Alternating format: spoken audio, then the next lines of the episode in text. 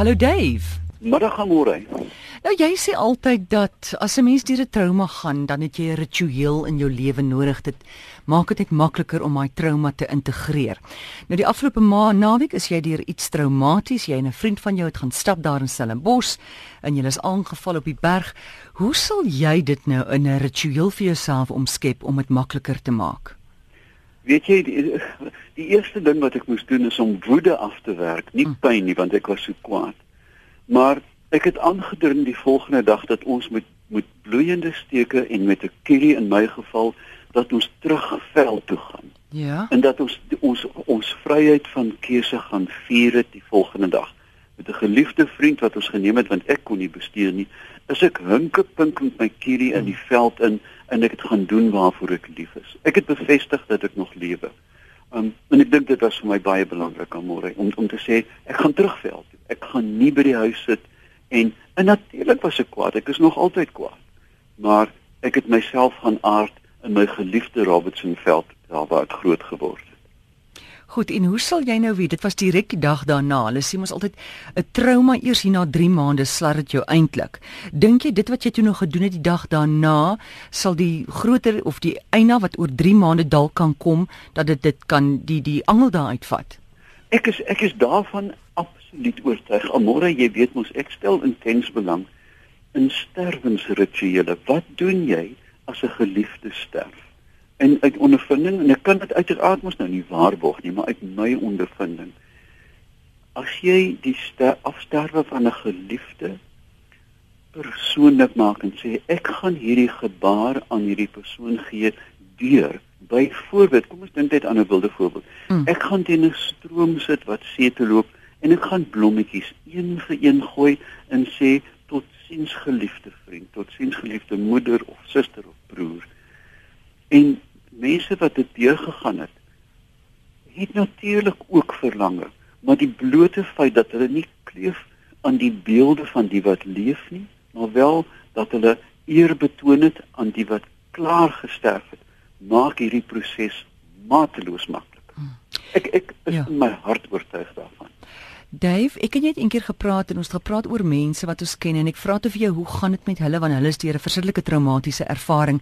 Toe sê jy vir my, ag soos vir dit maar gaan met mense wat nie die wat wat nie 'n goeie woordeskat het nie.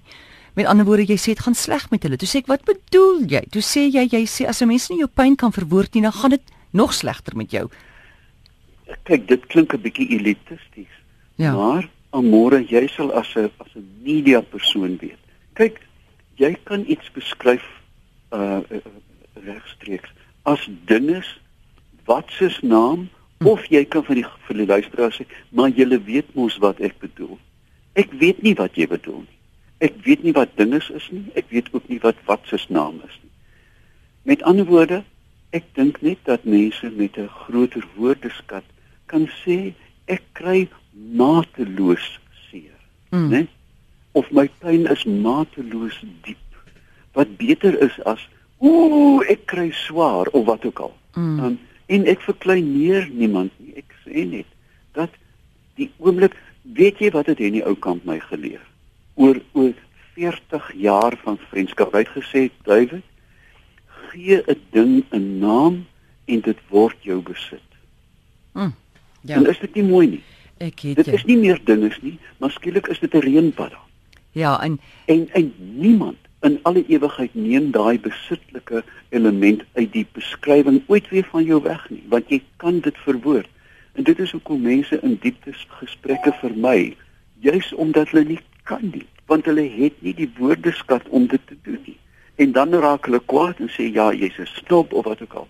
Dit is nie. Mm. Ek dink dit is net 'n bevryding. Woorde maak jou vry en waar op aarde is daar 'n ryker taal as Afrikaans. Nou praat jy. En ek praat van aardse terme, né? Mm. Ek soek na my Dina. Gevoel.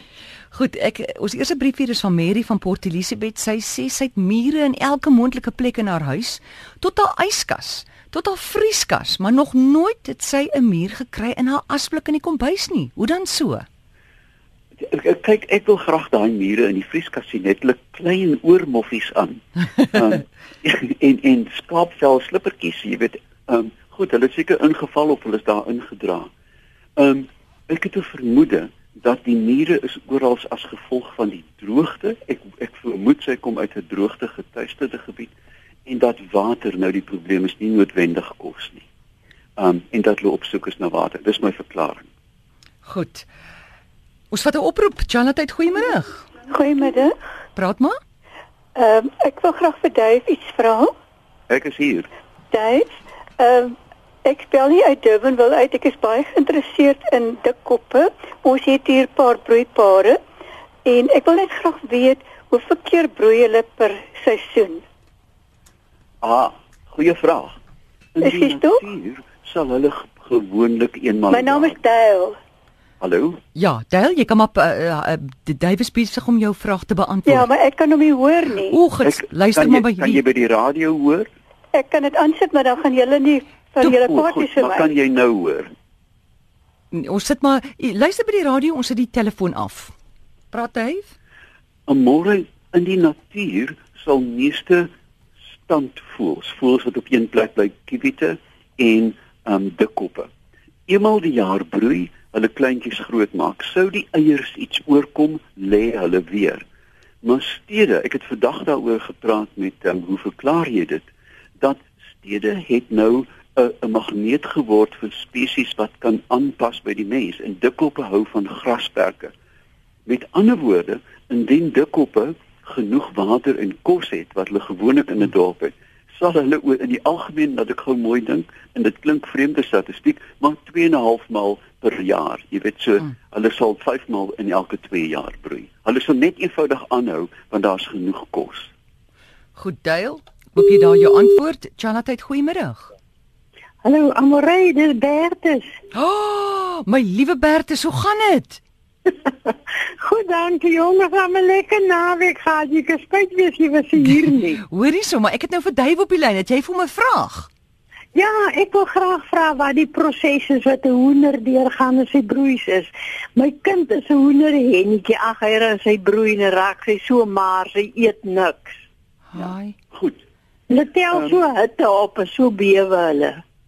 Ja, nee nee, ek kan vir jou verduidelik. Kyk, meeste voel jy vra. Hy hy het nou klaar gehoor Bertus, kan jy vir Dave hoor? O, ja. Bertus, hoor jy my?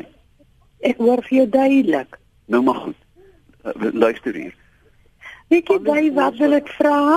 Oor die ou wat wil ek ek wil vra my ehm um, my hoenderkind is 'n hoenderhennetjie. Sy het nie 'n man nie. En sy het nou 2, 3 keer al eiers gelê en dan wil sy broei. Maar wie dis 'n vreeslike proses wat hy deurgaan. Dis 'n hitte op hom en hy kom eet elke 10 ure. En ja. maar na week en ek wil nie hê sy moet broei nie. Goed. Ek is gemeen, maar dis my wreed. Ek hoor jou. Kom ons hoor gou wat sê Dave? Ja.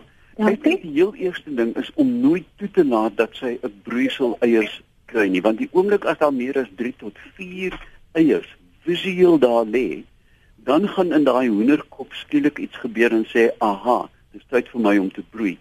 En dan word hulle fisiologie verander deur die broei die broei kol op die pens, né? Eindelik tussen die pens en die bors is daar 'n verhoogde bloedtoevloei. Nou, as jy hoër bloedtoevloei het, het jy natuurlik ook 'n verhoogde fisiologiese druk. Jy moet meer eet want jy moet die spul warm hou.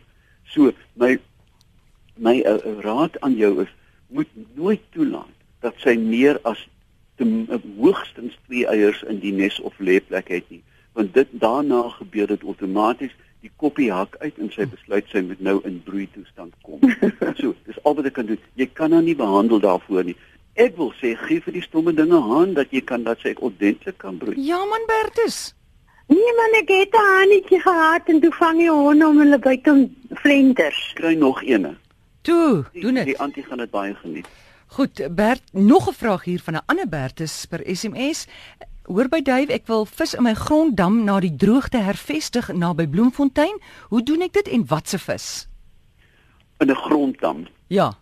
Ja, ek dink die standaard vis wat 'n mens in in in eerste aanding in Suid-Afrika is tilapia mosambica, die Mosambik tilapia. Mm. Dis 'n verskriklike taai vis en hulle kom selfs tot so ver suid as hier in die Kaap voor en hulle is soos ek sê baie taai en robuust en kan in regtig en slegte water oorleef. Ek as ek bedoel sleg, jy weet warm, koud, modderig. Mm.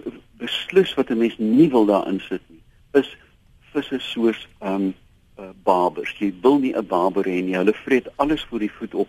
So tilapia is gewoonlik filtervoeders. Daar moet 'n minimum van water wees. Daar moet ook vlak water wees sodat hulle neste kan maak om te broei, maar my voorstel is tilapia.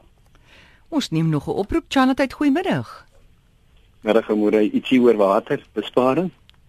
Goed, wil jy 'n vraag vra of moet ons iets daaroor praat?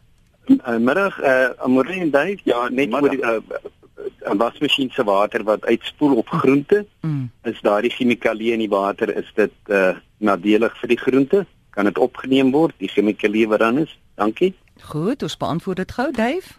Ek kry aanhoudend nou navrae mm. oor wasmasjienwater. Ek hou voet by stuk dat ek dit nie sou op my tuin uitlaat nie. Kyk, Amore, daar is om wasgoed wit te kry, moet jy redelike sterk chemikalieë gebruik, fosfate byvoorbeeld en sout. Wat 'n mens kan doen indien jy regtig ernstig is, is om die tweede en derde spoel op te vang, maar nie alles nie. Jy verstaan, kyk die begin jou wasmasjien maak sulke blomgeluide soos iets wat soeibrand het dan 'n mm. uh, uh, uh, maalhuise so vol struiste goed met klippe heen en weer en daai eerste spoel is mos die bruin water, né? Nee? Ja. Ek dink as 'n mens dan bystaan en jy die tyd het om dit te doen en dan van die tweede spoel miskien daardie water opvang, gebruik dit gerus, maar ek sal beslis nie daai eerste prop van chemikalie water nie. Daar is ongelukkig om wasgoed wit te kry nie soveel ekovriendelike maniere om dit te doen nie die beste manier uiteraard is oudtydse boerseep en 'n hand, maar wie op aarde het nou tyd daarvoor? Goed, laaste vraagie van Lorraine. Sy sê die afgelope 48 ure daar 'n aardige video die rondte gedoen van 'n man wat 'n vrou aangeval het in 'n 'n winkel in Suid-Afrika in 'n restaurant. Sy sê soveel mense daarna gekyk, dit is so ontstellend. Soveel kinders is blootgestel aan die geweld op daai video. Sy sê, "Wat doen dit in 'n mens se gees as jy so iets sien?" Ek weet nie almore al wat ek vir jou kan kan vertel is dat daar is wesenlike uitwerking op die brein en ook fisiologiese reaksie sou 'n mens byvoorbeeld na pornografie kyk en te veel, jy weet verslaaf raak aan hierdie beelde. Daar is beslis ook 'n verband, dink ek, sosiologies tussen gewelddadige baie gewelddadige speletjies en films en die normalisering van geweld. Um ons kan nie ons kinders weghou nie, maar wat ek met myne gedoen het en ons saglik goed gewerk het.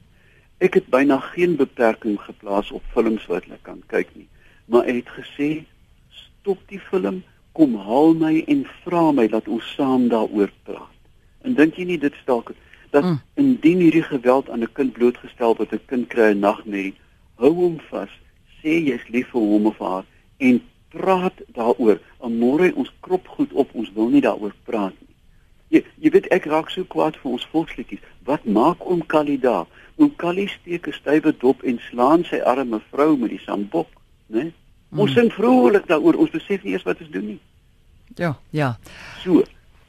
Soos met alle beskaafde hmm. mense dinge, kom ons praat daaroor ek ek ek was verstom aan môre die die week na die voorval met my het was daar sosiale media ewig waarvan 95% van my gesê het jammer ou maat ek hoop dit gaan beter maar waarvan 5% die diepte van die haat en vernyn het ek nog nooit beleef nie mm. ja mm. jy wil mos jou goed vir die armes gee jy het jou eerste paaiement betaal mm. ek ek wens ek kan in gesprek tree met soveel haat en vernyn want dit is die ek kan sê voetsek jy weet nie waarvan jy praat jy moet nooit weer met my praat nie maar ek sal dit mos nooit doen nie. Ja want jy het dit nou net gedoen. gesprek wou tree soos met 'n kind en sê geweld is deel van die spektrum van mensies kom ons praat daaroor. Groot woorde. Dankie Dave. Goed amore lekker aand vir julle. Selfde. Dis Dave Peppler besoek sy Facebook bladsy